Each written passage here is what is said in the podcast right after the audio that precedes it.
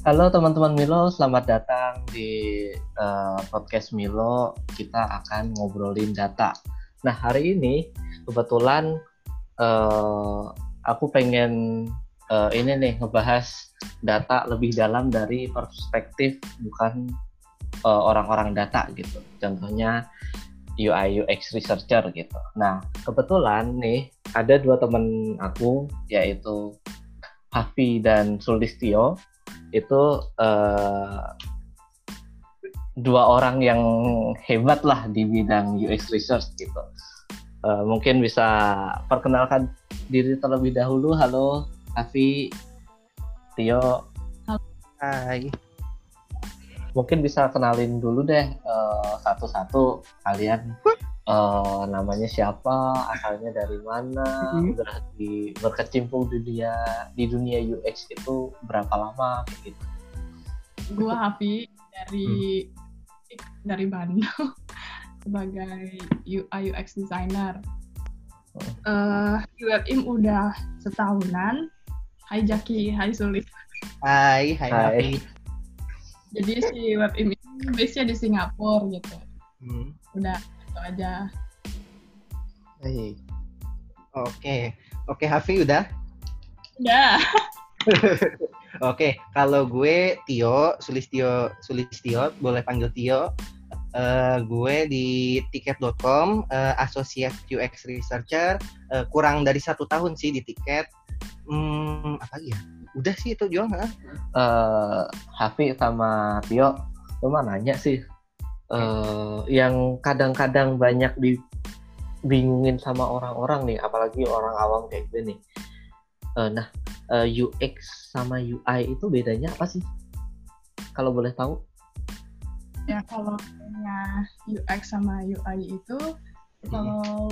kalau mungkin si UX-nya itu lebih ke kayak tulang-tulangnya di badan kita nih gitu. Kayak kerangkanya yang emang benar-benar ngebentuk tubuh kita itu kayak gimana gitu. Supaya kita bisa berdiri bisa ya bisa lari bisa gimana gimana gitu kan ya.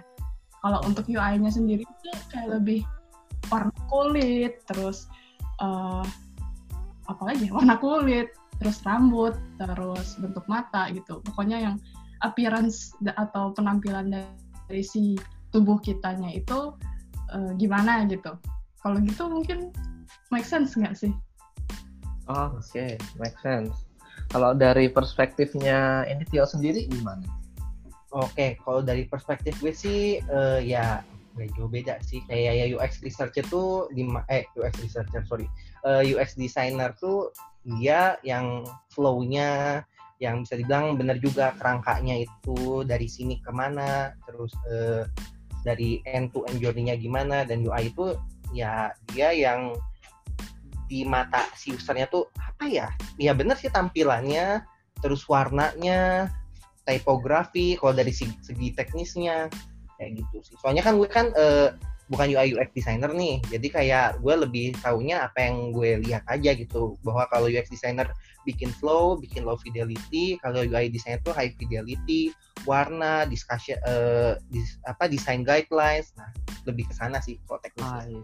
Itu itu dari perspektif gue ya. Hmm kalau di kerjaan sendiri wow. nih kan ada tuh ya UX designer sama UX researcher tuh. Nah itu itu tuh uh, bisa dibilang uh, kayak job yang sama atau emang berbeda gitu. Kan tapi kan UX designer kalau uh, Tio kan UX researcher tuh. Bisa dijelasin nggak uh, batasan-batasan kalian itu gimana gitu kalau UX research sama UX design gitu? Hmm? Oh, berarti lebih ke perbedaan UX designer ya. dengan si UX researcher ya? Betul. Oh, oke. Okay. Vi, gimana? Siapa dulu? Vi dulu, boleh? Boleh, Liz. Boleh, boleh. Silakan. Gantian ya. eh, bentar. Sorry, uh, eh, UX designer sih uh, lebih ke eh dari researcher dulu kali ya. Jadi ya UX researcher ya sesuai sama namanya nge-research kan. Jadi dia uh, lebih ke tahu dari sisi usernya kenapa kenapa kenapa decision making user kayak gimana dan ya UX researcher sebagai nge-research user experience kayak dia nge-research aja survei uh, interview, interview, uh, user testing gitu. Dan kalau misalnya tanya UX designer sih karena emang dia desainer, dia nerima input dari berbagai hal sih, kayak dari researcher, dari tim bisnis, dan dia yang ngolah semua dat, uh, semua insight itu dijadikan sebuah flow itu, itu sih yang mungkin ya bedanya lah gitu. Bener sih, uh, tapi tergantung juga mungkin ya kayak uh, di beberapa company emang ada UX designer itu yang sedikit mengambil uh, peran di UX researcher juga gitu, tapi nggak yang sebesar user research uh, eh, UX research yang kayak interview sampai UT yang benar-benar ke user gitu. Tapi paling cuman kayak competitive analysis doang. Maksudnya kan itu nggak harus melibatkan user kan ya. Yes. Market analysis kan nggak harus melibatkan user juga gitu. Ya pokoknya kalau si UX designer mah dapat insight atau dapat apa ya arahan gitu dari si oh. UX researcher gitu. Yeah. Kayak misalnya nih aku dapat dapat insight uh, dari analisanya Sulis tuh ABCD hmm. gitu. Terus Sulis itu nge-propose desain kayak ABCD juga gitu. Nah, nanti itu yang bakal nge-eksekusi itu sih UX designer sendiri gitu. Betul nggak? Betul sekali. Betul benar. Oh, Iya, emang balik lagi ke company-nya juga. Emang seben apalagi kan ada beberapa company yang nggak ada UX researcher kan. Jadi otomatis kayak UX designer pun dituntut untuk melakukan hal-hal yang seharusnya researcher lakuin sih. Ya baik dari company mana hmm, I see I see. Menarik ya.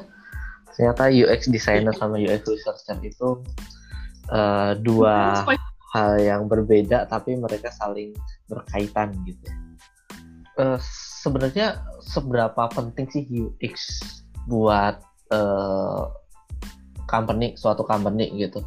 Dan kalian itu uh, research sampai se, misalkan UX researcher tuh. UX researcher uh, sedalam apa sih risetnya? Terus kalau UX designer itu emang uh, dia nunggu arahan dari UX UX researcher terus baru dikerjain atau kalian bisa paralel gitu? Kalau ini agak obvious sih pertanyaan kayak kalau misalnya se seberapa penting sebuah divisi pasti semua orang pada penting penting banget gitu. Pasti selalu gitu gitu cuma mungkin lebih ke value apa yang bisa diberikan desainer UX designer sama UX researcher kali ya ke company gitu. Kalau UX researcher sih ya kalau udah company ya apa yang bisa value yang diberikan UX researcher ke sebuah company itu kayak uh, uh, kalau company itu pengen lebih empathize sama user lebih mengerti kenapa gitu usernya melakukan sesuatu UX researcher ya itu jawabannya gitu jadi sebuah company semua orang di dalam company itu kalau misalnya pengen tahu usernya kayak gimana, behaviornya kayak gimana, motivasi, pain point, apa pun itu, kalau ada itu yang bisa diberikan oleh UX researcher. Dan kalau misalnya yang value yang bisa diberikan si UX designer sendiri sih lebih ke gimana cara-cara semua insight yang dibikin dari dat, tim data, tim marketing, tim researcher itu semuanya diolah menjadi produk yang bisa dibilang bisa nyelesain pain pointnya user sih. Itu paling yang bisa diberikan seorang UX designer ataupun researcher ke sebuah company sih. Itu, itu sih.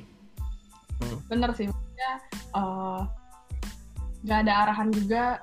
Maksudnya gimana ya? Kalau misalkan dari UX researchernya itu nggak ada output gitu atau UX designernya berdiri sendiri juga gitu agak kelimpungan juga sih untuk uh, bikin satu produk yang emang uh, targeted banget gitu kan ya. Dan emang user centric oh my god. Dan, uh, uh.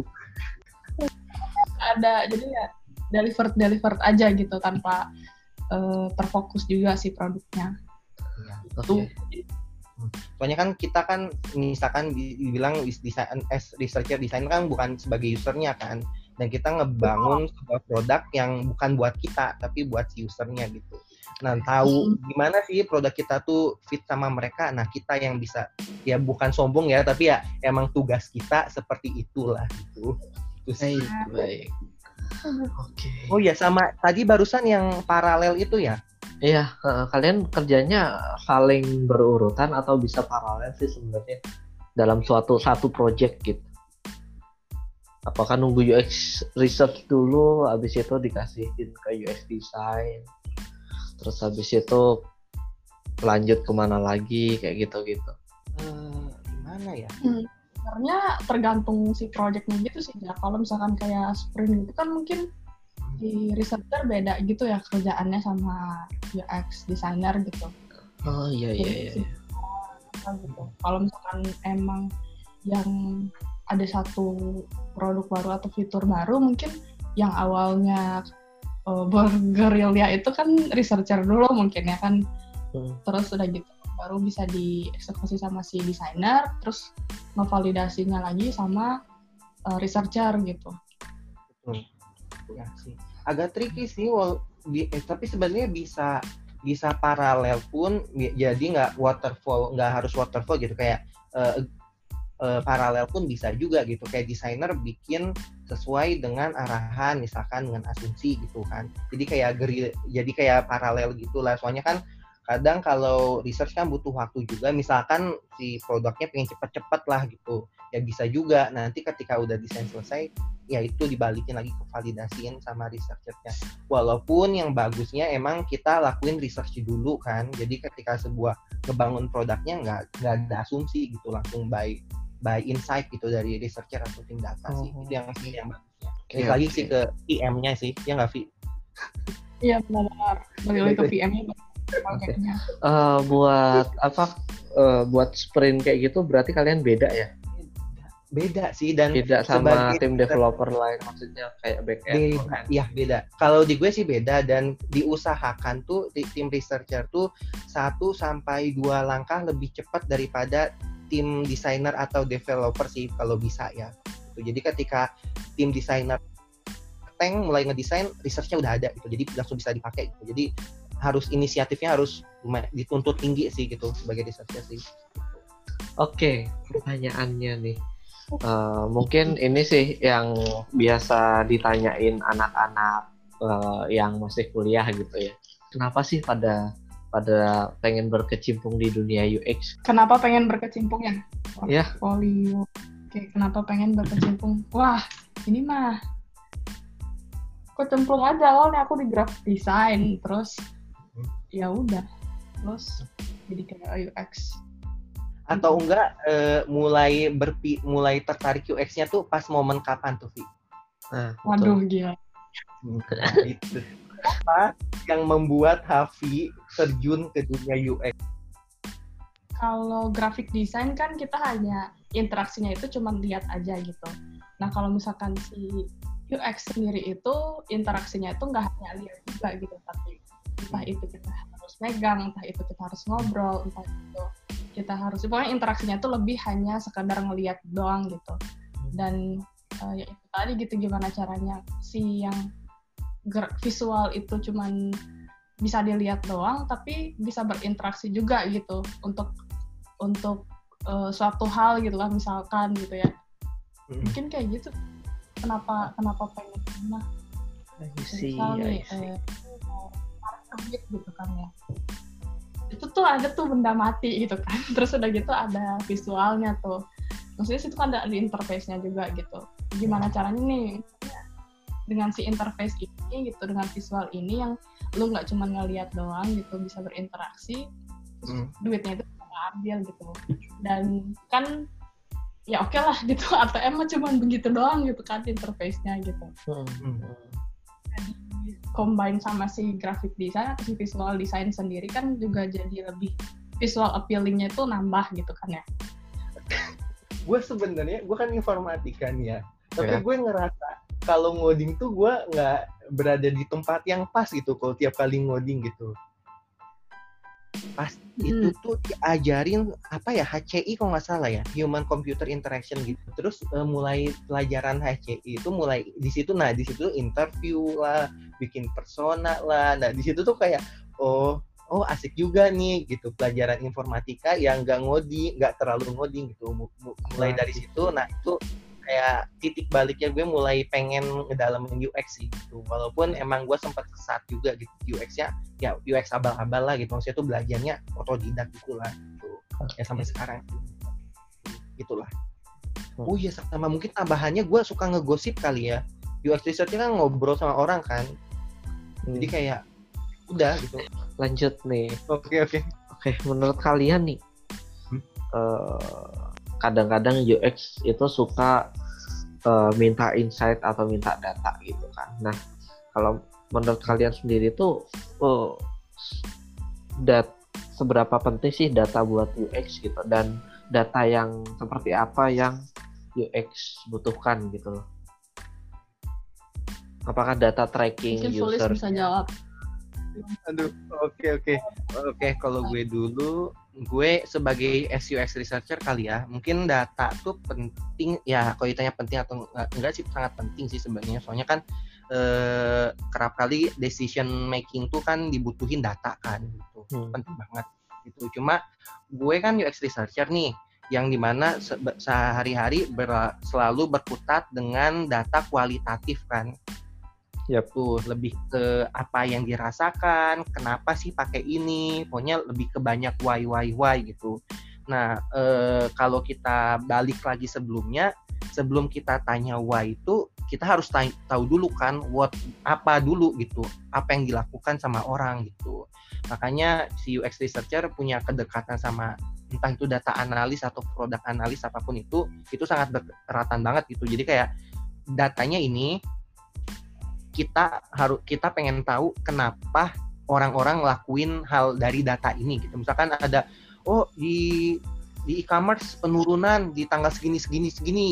Nah itu kan apa kan apa yang dilakukan oleh usernya karena kita nggak tahu nih kenapa. Nah kita lah yang e, dari data sebelumnya itu data kuanti itu kita gali lagi kualitatifnya. Jadi ya saling melengkapi lah antara kuanti kuali antara produk eh antara data analis dengan UX researcher. Mungkin kalau dari persesi uh, perspektif UX designer mungkin boleh. Tapi nggak ada.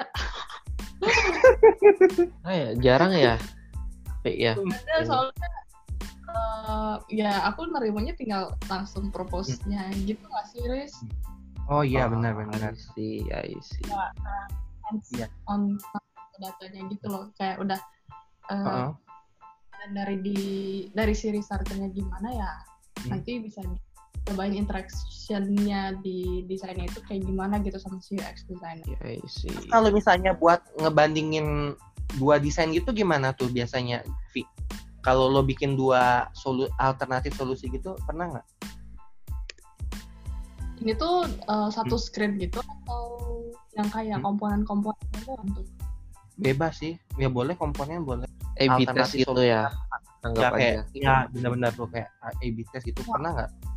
A/B test pernah sih, tapi nggak nyampe yang kayak um, layoutingnya berubah nggak, cuman kayak oh. uh, position di button doang sama wordingnya doang yang berubah. Gitu. Tapi kalau hmm. untuk si desainnya itu berubah banget hmm. sih nggak. Iya, iya sih.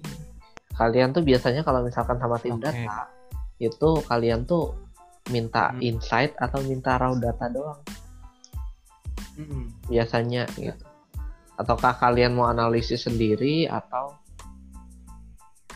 uh, oh. tim data yang analisisin gitu begitu biasanya sih gue mintanya data udah insight ya soalnya ya biar mempercepat juga gitu daripada kita UX researcher harus nganalisis data mentahnya gitu sih cuma biasanya e, ketika proses uh, gathering insight-nya emang biasanya ngelibatin UX research-nya dalam prosesnya. Jadi kita tuh tahu gitu insight ini dapat dari mana gitu. Jadi kan kayak bisa dibilang kan ini kayak lari estafet gitu kan dari dari kuanti ke kuali kan. Jadi UX researcher pun tahu gitu uh, proses kuantinya gimana dan ketika kita kuali pun mereka pun tahu kenapanya gitu sih.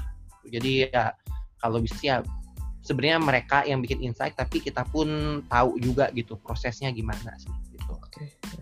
Tapi ada tambahan, sorry. Gak pernah minta data apa-apa. Oh. Karena emang hmm? nggak ada DS atau hmm. data analis. Oh berarti hmm. researchernya hmm. itu ya yang ngolah data ya, Vi? Lo terima dapat insight-nya doang ya berarti? Iya. Oh iya. iya. Oh begitu. I see, I see. Oh, tapi sih yang biasanya ngegabungin insight dari tim pro produk sama tim marketing itu siapa sih? Kan marketing biasanya suka ada insight tuh kayak kayak dari brand punya data ini gitu, dari produk punya data ini gitu. Pernah nggak kondisi kayak gitu? Marketingnya sih yang langsung nge-analisisnya. Hmm. Oh oke, okay. berarti marketing. Uh, Oh, marketing researcher-nya. oh. Kalau Sebentar, ada pertanyaan tambahan nih jadinya. Eh, kalian eh, kalau misalkan di UX itu kalian juga belajar si bisnis modelnya nggak sih? Atau cuman ya yang ber- berkaitan sama UX, eh user doang gitu, user experience doang gitu. Oh, oke oke. Kalau bisnis sih good eh, apa ya kayak nice to have sih kayak tapi sebenarnya perlu tahu juga sih soalnya kan kita kan nge-research kan kayak eh, harus dari awal sampai akhir juga kan end to end journey kan sebenarnya. Jadi kalau si bisnis modelnya pun nggak tahu kayak apa yang lo research gitu. Jadi kayak harus tapi apa ya, apa ya sunnah muakat ya bisa dibilang ya sunnah muakat itu loh kayak eh, lo nggak wajib seba, by the rule tapi kalau misalnya lo nggak tahu kayak apa gitu kayak nothing aja gitu sedangkan eh, UX sendiri kan bisa dibilang kan nyari sweet spot antara tech bisnis sama user kan nah gimana caranya kita nentuin sweet spot itu kalau misalnya kita nggak tahu bisnis modelnya gitu sih tapi emang secara job desk sih biasanya nggak dicantumin nggak sih biasanya gitu itu ah Fafi Hmm. boleh setuju. Karena Hmm. ibaratnya kita nggak startnya gitu ya Lis ya mungkin. hmm, ya ada kiblatnya gitu loh kalau misalkan kita nggak tahu bisnis modelnya kayak gimana sebenarnya. Em, ya benar sih. Setuju aku sama yang si Sulis tadi bilang. Oh iya, paling tambahannya sih kayak challenge-nya UXR tuh kan kalau lo kan data tuh kan gak bisa bohong ya, Jak. Iya. Datanya Iya, segitu gitu gitu. Tuh. Soalnya kuanti kan, angka kan, angka tuh gak bisa bohong kan. Mm-mm. Tuh, Kalau UXR tuh tricky banget kayak kita tuh udah interview nih. Ya bisa dibilang udah kita berusaha metodenya udah se se-wise mungkin, udah sebijak Hmm. mungkin. Nah, tapi balik lagi nih PM-nya tuh apakah dia mau ngedengerin apa enggak soalnya tuh kita tuh benar-benar kuali kan yang di mana ya benar-benar kualitatif gitu apa yang orang katain apa yang orang bilang apa yang orang rasain kayak gitu gitu jadi kayak gimana caranya kita nge, nge apa ya nge sugestiin saran tanpa adanya data gitu makanya balik lagi seberapa penting data tuh kita tuh berangkatnya tuh dari data dulu gitu. Jadi nggak sembarangan langsung research langsung hasilnya tapi ada asal muasalnya lah kenapa kita nge-research suatu hal gitu. Jadi ketika ditanya kamu ngapain ini? gitu. Oh kita balik lagi datanya ini dulu. Makanya kita ngelakuin hal ini makanya hasilnya seperti ini. Gitu sih. Oke, Hafi. Pernah nggak bingung sama apa yang dikerjain UX research kita? Em, ya mungkin yang agak janggalnya mungkin kayak eh, flow-flow-nya gitu yang interaksinya mungkin agak kurang aja gitu. Hmm. Tapi kan itu masih bisa tweak tweak juga gitu kan ya. Dan nggak terlalu banyak masalah juga sih gitu. Oh, Masih bisa dielaborasi jauh juga gitu. Nggak nggak serta merta mentah-mentah dari si researcher juga langsung di plug eh, pakai ke desainnya gitu. atau enggak selama ini challenge terbesar lo komunikasi sama UX researcher apa tuh? Yang Oh, selama ini pengalaman lo kadang mungkin ini sih eh, aku nanya gitu kenapa kenapa harus gini kenapa harus gitu ya eh, tidak bisa mengelaborasi si jawabannya. Itu tuh dengan real real case atau ya jadi ujung-ujungnya tuh kayak jawabnya cuma iya karena kayak gini gitu ya gimana Jadi Mhm. bahasa yang disampaikan ketika ngomong ke user real user sama bahasa yang disampaikan ke PM UX designer tuh beda gitu. Nah itu sih challenge-nya UXR juga kayak gitu loh. Jadi kayak eh, UXR misalkan si user maunya ABCD tuh. Ya oke ngomong sama usernya ABCD ABCD ABCD. Nah tapi ngobrol ke UX di ngobrol PM si ABCD itu di-translate ke bahasa si desainer itu ABCD itu maksudnya apa sih gitu sih paling. Tuh. setuju setuju Jadi kayak jadi kayak yang oh desainer bisa konsumsi, si PM bisa konsumsi karena mereka pun bisa dibilang penggunanya UXR juga kan, mereka pun menggunakan jasa UXR juga gitu. Mungkin tuh kali ya Mm. Buat teman-teman. Tapi gue juga bisa dibilang belum seahli itu, cuma mungkin bisa di, gue belajar untuk ke arah sana sih mungkin gitu sih. Itu gue belum masih belum lah gitu. Itu sih. Oh, Oke.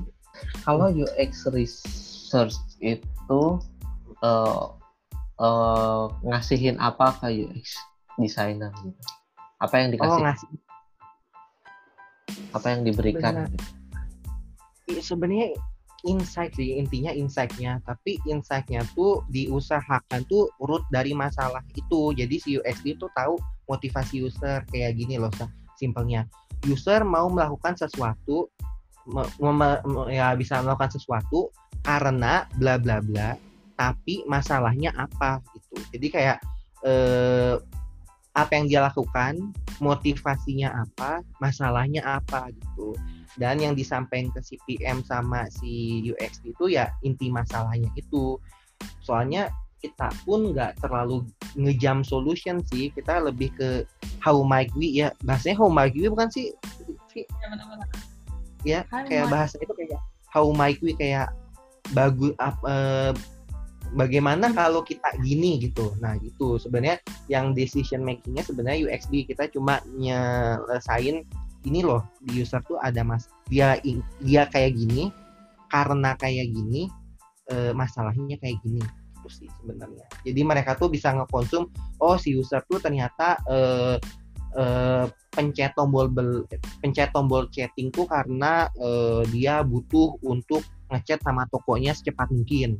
Tapi masalahnya tom masalahnya tuh si tombol chatting tuh muncul kalau nge-scroll doang nah gitu. Kan berarti kan si UX itu bisa konsum oh masalahnya muncul uh, scroll doang karena bla bla bla gitu. jadi bisa langsung translate secepatnya gitu sih benar-benar jadi hmm. kalau bisa dirangkum ya kan ada fakta masalah gitu solusi kalau fakta dan masalah itu dapat sama tulis solusinya uh, sama si desainer dicobain dicari gitu ya Oh, begitu. Itu poinnya. Jadi si UXD itu yang uh, bikin solusinya dan solusinya itu dibalikin ke UXR ngevalidasiin. Jadi eh gue udah bikin loh solusi dari masalah barusan. Lo cek deh bener apa enggak gitu. Nyelesain gak sih masalahnya gitu. Oh, kita cek jadi lagi kalian bakal kita tahu hmm?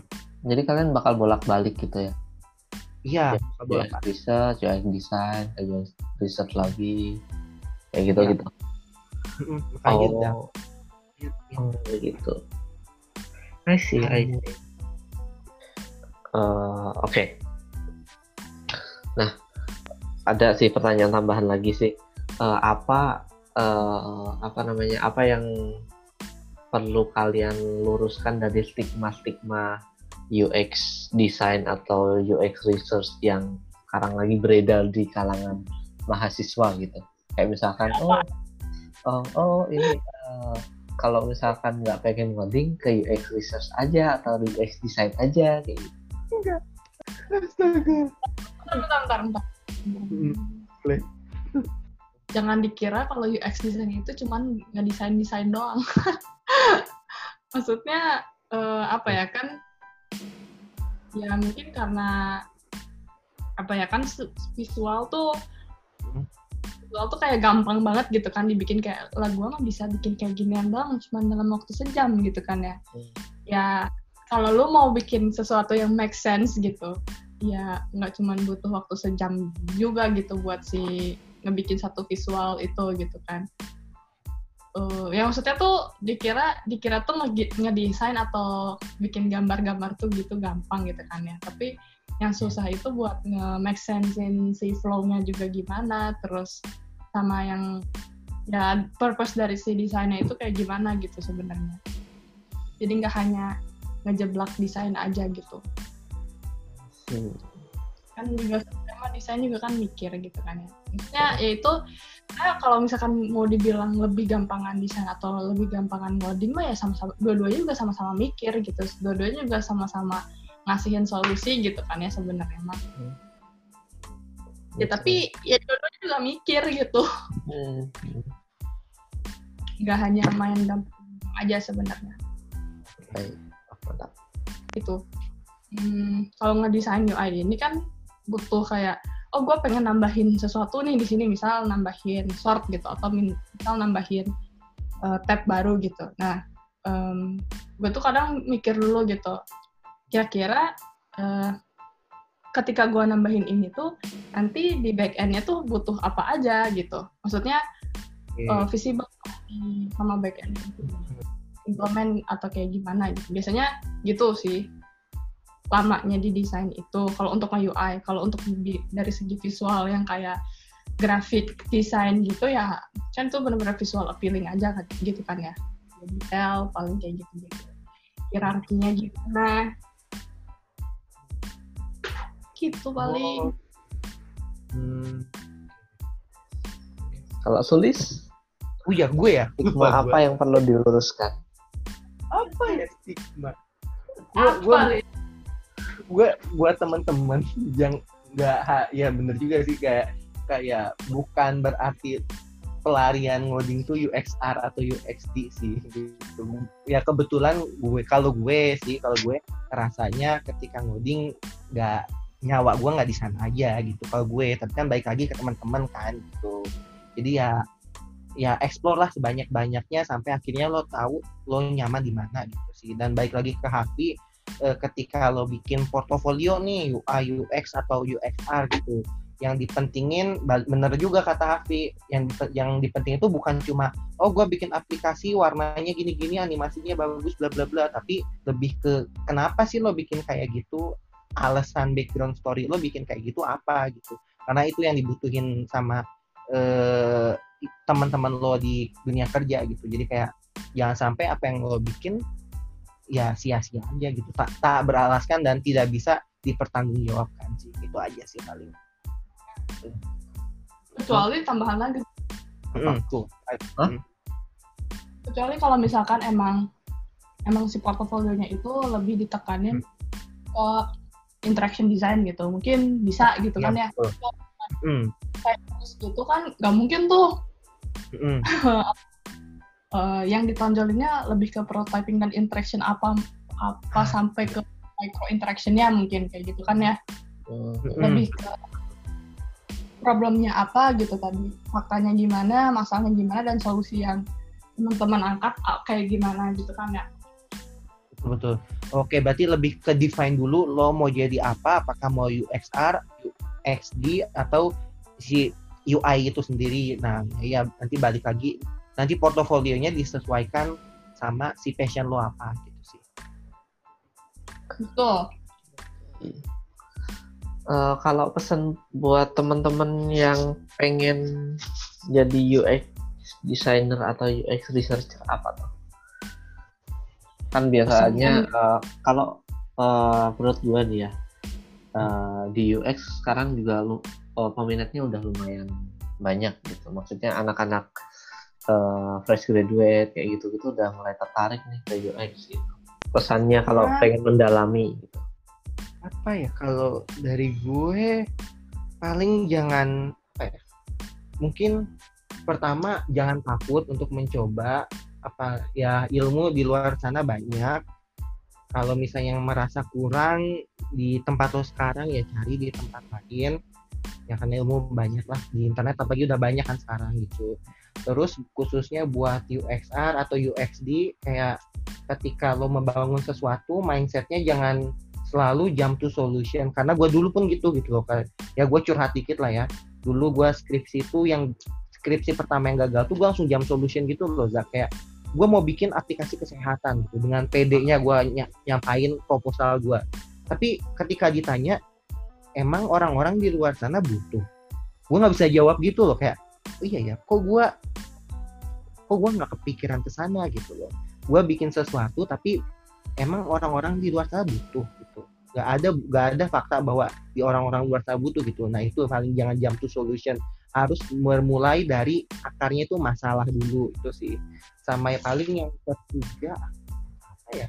Oh ya sama buat yang UXR UXR tuh nggak perlu IT ya. Karena di kantor gua pun nggak cuma IT ada ada anak di kafe ada anak eh, wartawan tuh apa sih? Jurnalis gitu. Selama lo cinta research selama lo pengen tahu tahu pengen tahu kenapa dalam suatu hal lo fine fine aja. Karena lo nggak harus tech savvy juga nggak harus tahu dunia IT atau dunia desain sih. Yang penting lo bisa nganalisis data doang. jadi eh, jurusan apa pun welcome researcher gitu.